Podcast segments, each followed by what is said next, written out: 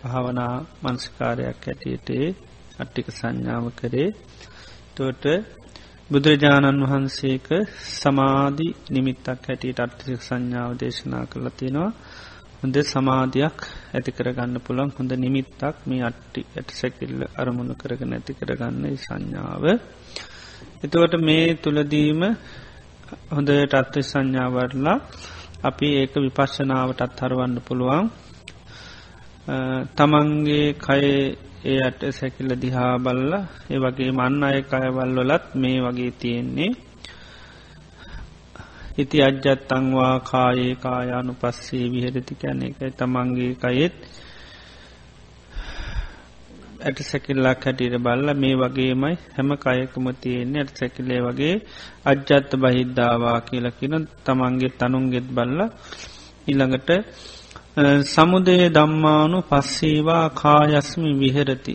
එතෝට මේ ඇට සැකෙල්ල සහිත කය කුමක් හට ගැනීමෙන්ද පවතින්නේ කියලා අන්න මේ කයේ හට ගැනීම බලමින් වාසය කරනවා. එතෝට අපි විස්තර කරල දුන්නා ආහාර හට ගැනීමෙන් තමයි කය කියන්නේ එක පවතින්නේ ක්‍රියාත්මක වෙන්නේ දැනෙන්නේ කයට දේවල් සතරාකාර ආහාර නිසාය තමයි කබලින්කාර පස්ස මනෝ සංචේතනා විඤ්ඥාන.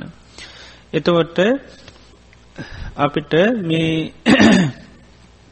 කය කියන් කය හටගත්තේ කුමද්ද කියන එක බලන්න පුළුවන් ඒ තමයි මේ ආහාර හට ගැනීමෙන් තමයි මේ කය හටගත්තේ.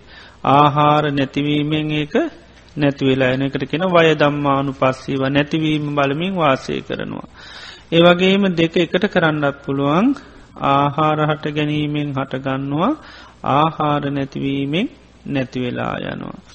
තේ නිසාපි මේ වෙලාවේ අපි විපස්සනා කරන්න විදිහ පොඩ්ඩක් මේ වෙලාවේ අපි භාවනාවාරයේදි කරමු ඉස්සල්ලාම අපි සමත වසයෙන් අට්ටික සංඥා වඩලා ඊට පස්සේ මේ ඇට සැකිල්ල සහිත කය කුමක් හට ගැනීමෙන්ද හටගත්ති කියන ඒ හේතුව විමසා බලම්. හොඳයි දැන් කවුරුත් තමන් ඉන්න ඉරියව්වට හොඳට සිහ පිහිටවා ගන්න කය හොඳට ඉරජු කරගන්න ඉඳගෙන ඉන්න අයත් හේතුවෙන්නේ නැතුව හොඳට කය ඉරජු කරගන්න කයේ වගකීම වෙනත් දේකට දෙන්න හොඳ නෑ. එතකොට නිකම්ම නින්දට යන්න පුළුවන්ගේ නිසා හොඳට කය ඉරජු කරගන්න. කය ඉර්ජු කරගෙන මං මේ මොහොත ඉඳගෙන ඉන්න කියලා සිහිකිරීමක් කරන්න බොහෝ මෙහෙමීට වෙහෙසක් ගන්න ඇතුව මම ඉඳගත්තේ භාවනා කරන්න කියලා සිහි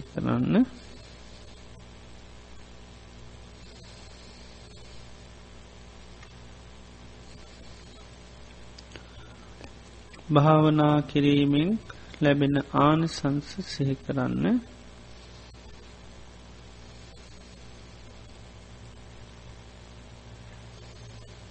භාවනා කිරීමෙන් මට සෙතක් සාන්තියක් සැනසිල්ලක් යහපතක් ඇතිවෙනවා මේ මානසික පීඩාවන් අසානකාරී ස්වභාවයන් දුරවෙලා ඉතාමත්න හිත සාන්තභාවයට ශ්‍රපත්භාවයට පත්වෙනවා ජීවිතයේ පවතින සියලු දුක්කරදර පීඩාවල් දුරුවෙලා මේ මනස ස්වපත්භාවයට පත්වෙනවා භාවනාවතින ආනිසංස ටිකස්සිහි කරන්න.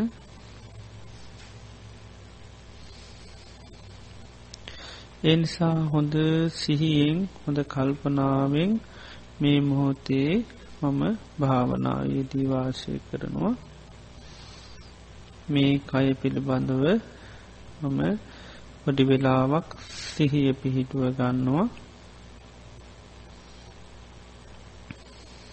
හොඳට තමන්ගෙන් නිරියව්වට සීහ පිටවාගෙන මේ කයේ ඇට සැකිල්ලක් තියෙන්නේ කියල සිහි කරන්න.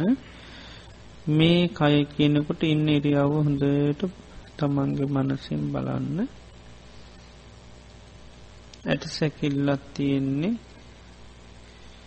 ඇට සැකිල්ලක් හැටියට තමන්ගේ කයදිහා බලන්න බාහිරුව දැකල තියෙනවා කවුරුත් ඇට සැකින ඒ වගේ තමන්ගේ කයදිහාත් බලන්න. ඉන්න ඉරියාව වැට සැකිල්ලක් ඇට සාමාන්‍ය සංඥාවක් හැටියට මෙව කරන්න. මුලින් ප්‍රමකත්වය මේ මනසිකාරයට පවත්වන්න හිමීට මේ කයේ ඇට සැකිල්ලත් තියෙන් මේ කයේ ඇට සැකිල්ලත් තියෙන් මේ කයේ ඇට සැකිල්ලත් තියන්නේ හොඳට අර්ථය හිතට ගණ්ඩෝනි කය කියනකොට මේ කය කියනොට ඉන්න කය අරමුණු කරගන්න ඇට සැකිල්ලත් තියෙන්නේ කියනකොට බාහිරව දැක්ක ඒ වගේ මේ කයෙත් එමදු ඇට සැකිල්ලත් තියෙන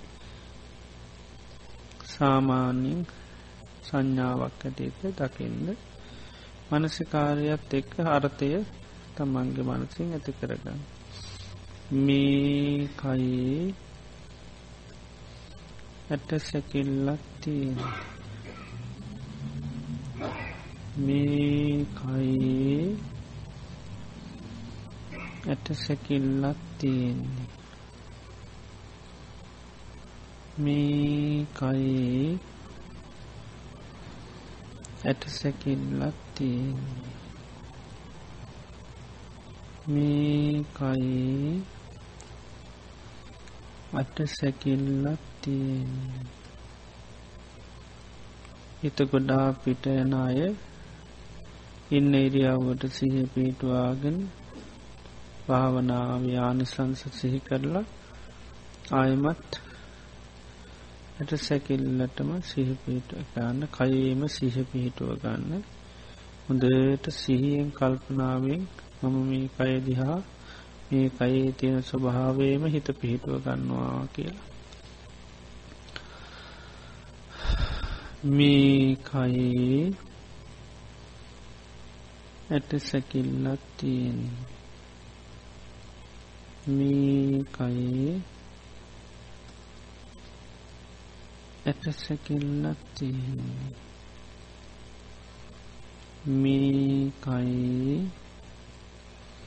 ඇට සැකිල්ලක්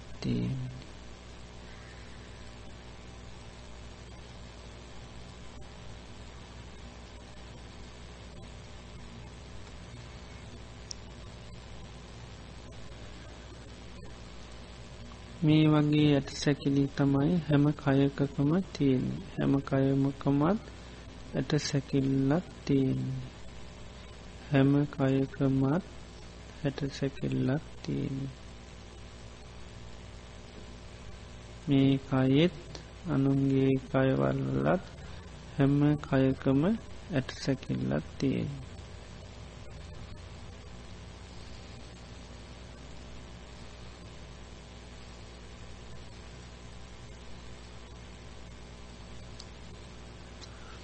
එතුවට මේ ඇට සැකිල්ල සහිත මේ කයක් පවතිනවා. මේ කය අපිට පේන්නේ මම මගේ මට අයිති දෙයක් හැටියට. බුදුරජාණන් වහන්සේ දේශනා කරන්න මේ කය හටගත්ත එකක්. හේතු නිසා පවතින එකක්. කයට යමත් දැනෙනවගේ හේතු නිසා.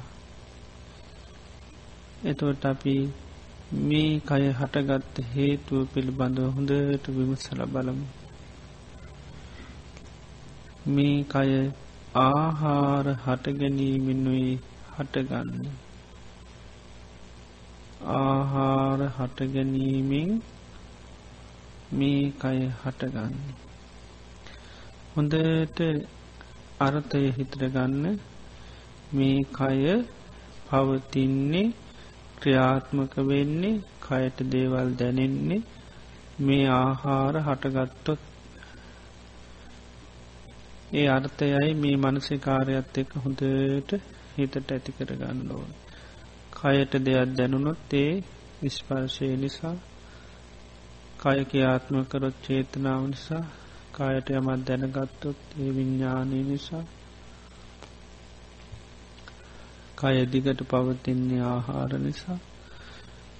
එතොට අර්ථය හොඳට ඇති කරගන්න ආහාර හට ගැනීමෙන්නුයි මේ කය හටගන්න.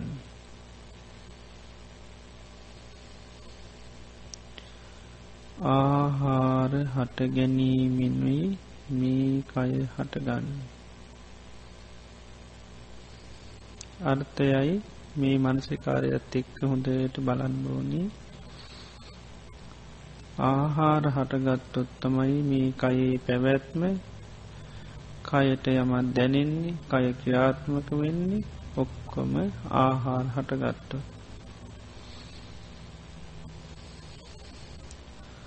ආහාර හටගැනීමෙනුයි මේ කය හටගන්නේ. හේතුව හටගත්තොත් තමයි කයේ පැවැත්ම ක්‍යාකාරිත්වයන් සිද්ධ වෙන්නේ.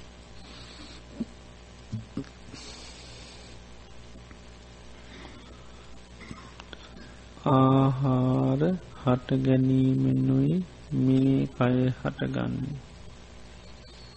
අර්ථය තමන්ගේ හිතට ගන්න සතරාකාර ආහාරයන් හටගත්තොත් මේ කය පවතිනවා කයට දේවල් දැනෙනවා කය කිරාත්මක වෙනවා.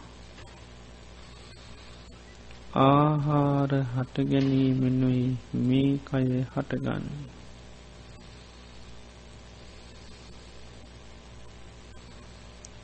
ආහාර හටගැනීමෙනුයි මේ කය හටගන්න. මේ සිහිකිරීමත් එක් හොඳට අර්ථය අවබෝධ කරගන්න අර්ථය ආහාර හටගැනීමෙනුයි මේ කය හටගන්න. සතරක් ආකාර ආහාරයන්ගේ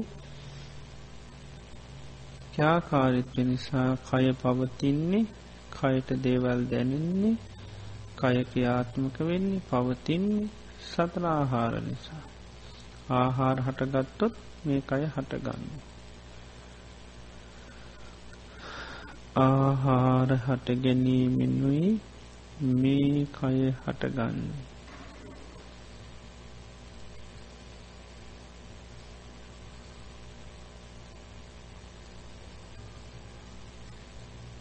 ආහාර හට ගැනීමෙනුයි මේ කය හටගන්නේ.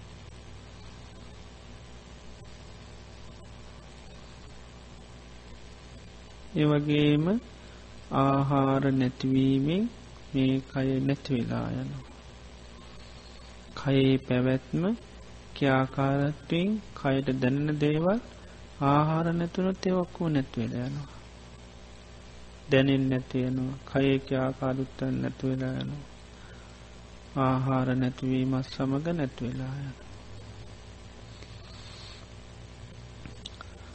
කබලින්කාහාර පස්ස මනෝ සංචේතන විඤ්ඥාන කෙන ආහාර හතරම නැතිවීම මේ කය නැතිවෙලා යනවා. ආහාර නැතිවීමෙන් මේ කය නැතිවෙලයනවා. කයට දෙයක් දැනීමක් වසයෙන් හටගත්තන ඒට අදාළ ආහාර නැතිීමෙන් ඒ දැනීම නැතිවෙලායනවා.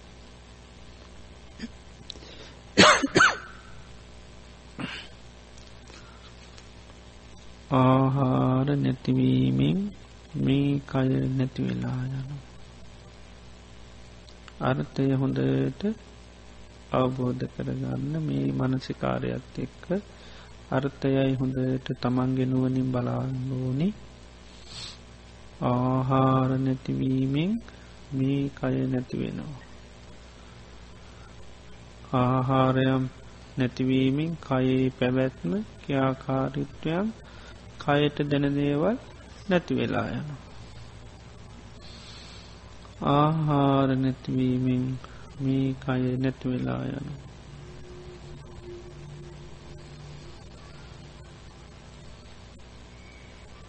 ආහාර නැතිවීමෙන් මේ කය නැතිවෙලා යන. දැන් සිහි කරන්න ආහාර හට ගැනීමෙනුයි මේ කය හටගන්න. ආහාර නැතිවීමෙන් මේ කය නැතිවෙලා යන.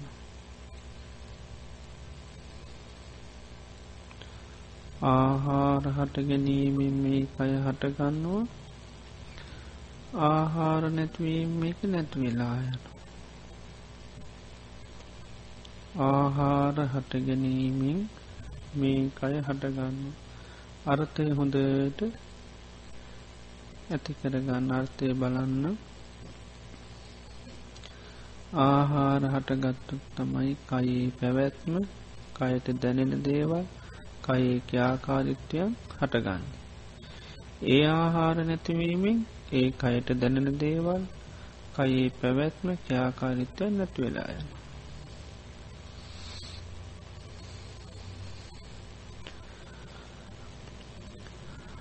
ආහාර හට ගැනීමෙන් මේ කය හටගන්න. හොඳට අර්ථය තමන්ගෙනුවනින් දකින්න ආහාර නැතිවීමෙන් මේ කය නැති වෙලා යන.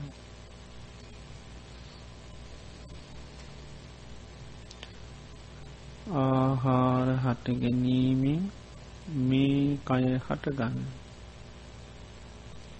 ආහාර නැතිවීමෙන් මේ කය නැතිවෙලාය. අර්ථය හොඳට මේ මනසිකාරයත් එක්ක අර්ථය දිහා හොඳට බලන්න. ආහාර හට ගැනීමෙන් තමයි කයේ ක්‍යාකාඩිත්වයක් කයට දැනෙන දේ කය පවතින්නේ ආහාර හටගත්තු. ආහාර නැතිවීමෙන් ඒ දැනීම ක්‍යාකාරිත්වයම් පැවැත්ම නැතිවෙලා යන. හේතු හටගත්තුත් කය පවතිනවා හේතු නැතිවීම මේක නැති වෙලා යන.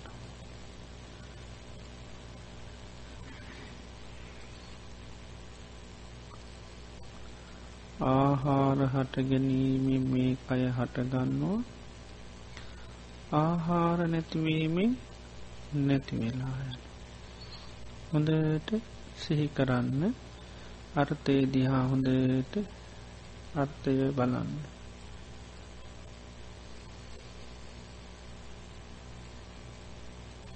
ආහාර හට ගැනීමෙන් මේ කය හටගන්න.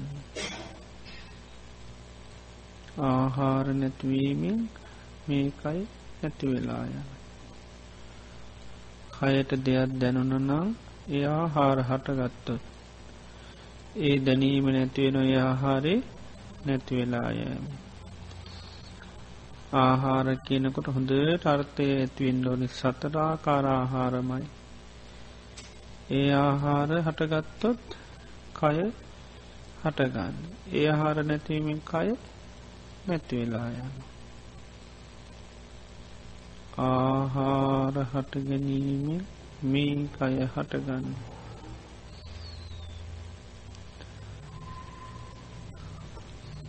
ආහාර නැතිවීමෙන් මේ කය නැතිවෙලා යන.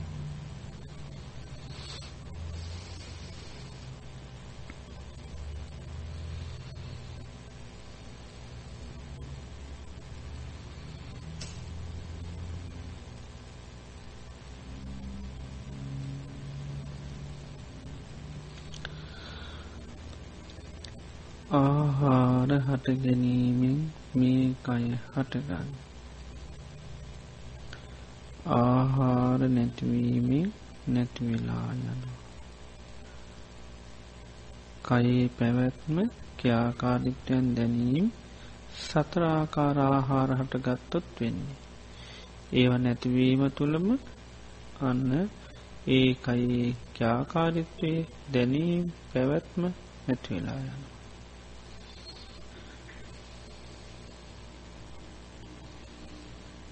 ආහාර හටගැනීමෙන් හටගන්න.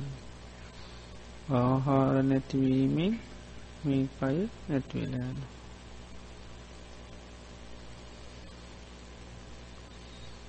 අර්ථය දයා හොඳට බලන්ඩමේ මනසිකාරයත් එක්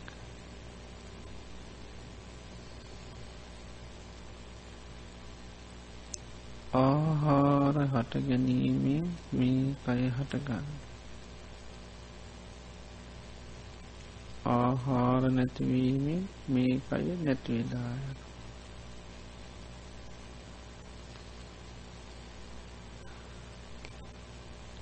කයට යමත් දැනුනනම් ඒ ආහාර හට ගැනීමෙන් ඒ දැනීම ආහාර නැතිවීමත් සමඟ නැතිවෙලා යනවා.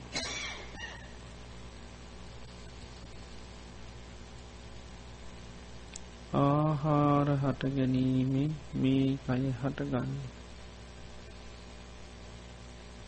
ආහාර නැතිවීමෙන් නැතිවෙලා යන කය කියන්නේ එතකොට හේතු හට ගැනීමෙන් හටගන්න හේතු නැතිවීමෙන් නැතිවෙලා යන එක.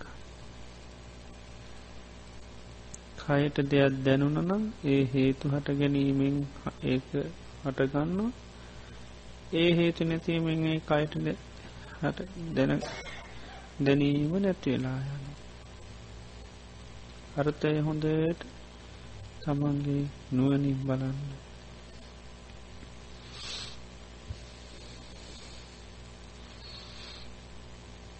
මේ කය කියන්න එතකොට හේතු පල දහමකට අයත් දෙයක් කියන සිහිය ඔබට ඇති කරගන්න පුළුවන් මේ විදියට සිහි කරනකොට.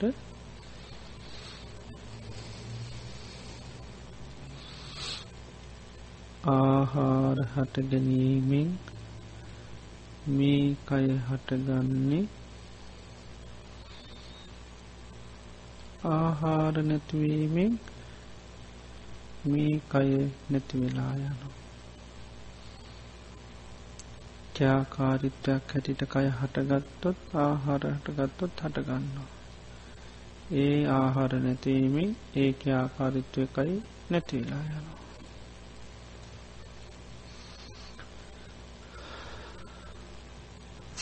මේ විදියට හොඳට හිමීට සිහි කරන්න ඒ කිරීමත් එක හොඳට තමන්ගේ නුවනි අර්ථය දිහා බලන්න. අර්ථය අවබෝධ කරගන්න.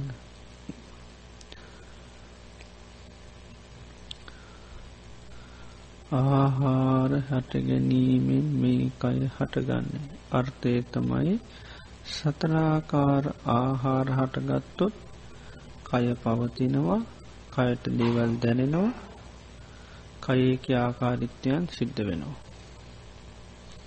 ආහාර නැතිවීමෙන් කය නිරුද්ධ වෙලා යන නැති වෙලා යන ආහාර නිරුද්ධවීමෙන් ඒ හටගත් දැනීම ක්‍යාකාරිත්වම් පැවැත්ම නැති වෙලා යන ආහාර නැතිවුණු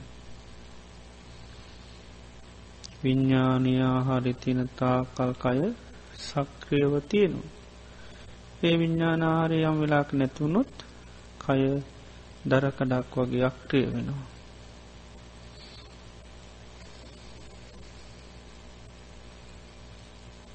ආහාර හට ගැනීමෙනුයි මේ කය හටගන්න.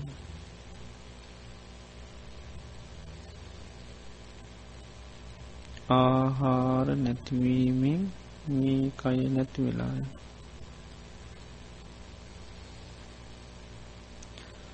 කය කියන්නේ හේතු හට ගැනීමෙන් හටගන්න හේතු නැතිවීමෙන් නැත්වෙලායන. එනිසා මම මගේ මට අයිති කෙල ස්වභාවයක් මෙතන නැහැ. හේතු හටගත්තොත් හටගන්න හේතු නැතුුණු නැතිවෙලායන. කයෙට්ට වේදනාවක් දැනුනම් ඒ ආහාර හට ගැනීමෙන් ඒ වේදනාව හටගත්තේ. ආහාරි නැතිීමක නැතිවෙලායන. මට දැනුණා නෙවේ. හේතුව නිසා හටගත්තා හේතු නැතිවීමෙන් නැති වෙලා යන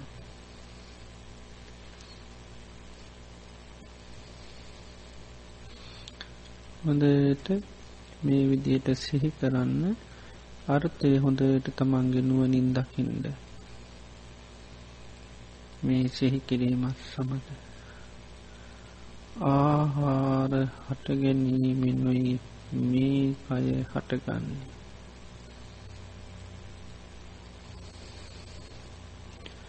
ආහාර නැතිවීමෙන් මේ කය නැතිවෙනවා.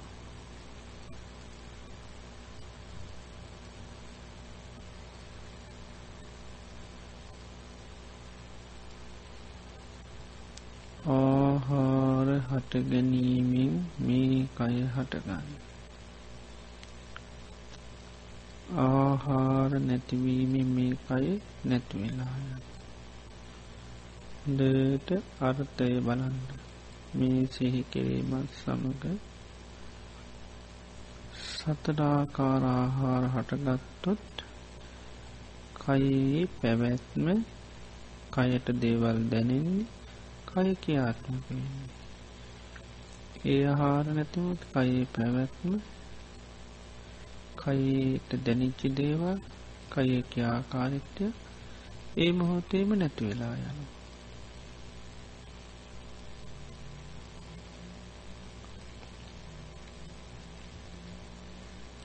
ආහාර හට ගැනීමෙනුයි මේ කය හටගන්නේ. ආහාර නැතිවීමෙන් නැතිවෙලා යනු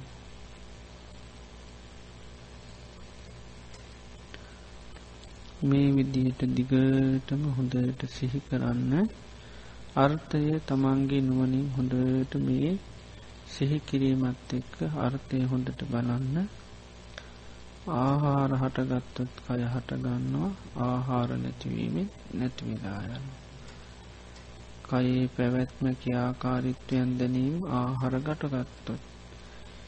ඒ ආහර නැතිීමෙන් ක්‍යාකාරිත්වයන් කයට දැනීම් නැතිවෙලා යනු. හේතු හට ගැනීමෙන් කය හටගන්නවා හේතු නැතිීමෙන් නැත්වෙල යන.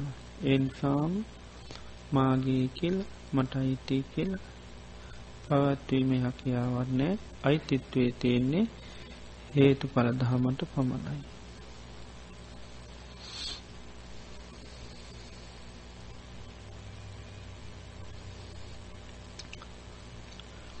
හොඳට සිහි කරන්න. ආහාර හටගැනීමෙන් මේ කය හටගන්න. ආහාර නැතිවීමෙන් මේ කය නැතිවෙලාය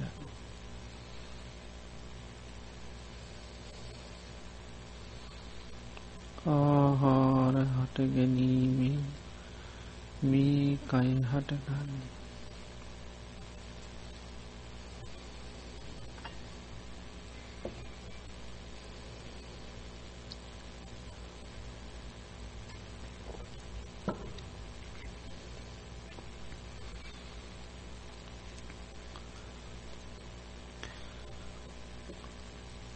ආහාර හට ගැනීමෙන් මේ කය හටගන්නවා ආහාර නැතිවීමෙන් නැතිවෙලාය හොඳයි නිශ්ශද්ව මේ විදිහටම කවුරුත් සිහි කරන්න. අර්ථය හොඳට තමන්ගෙනුවනින් බලන්න.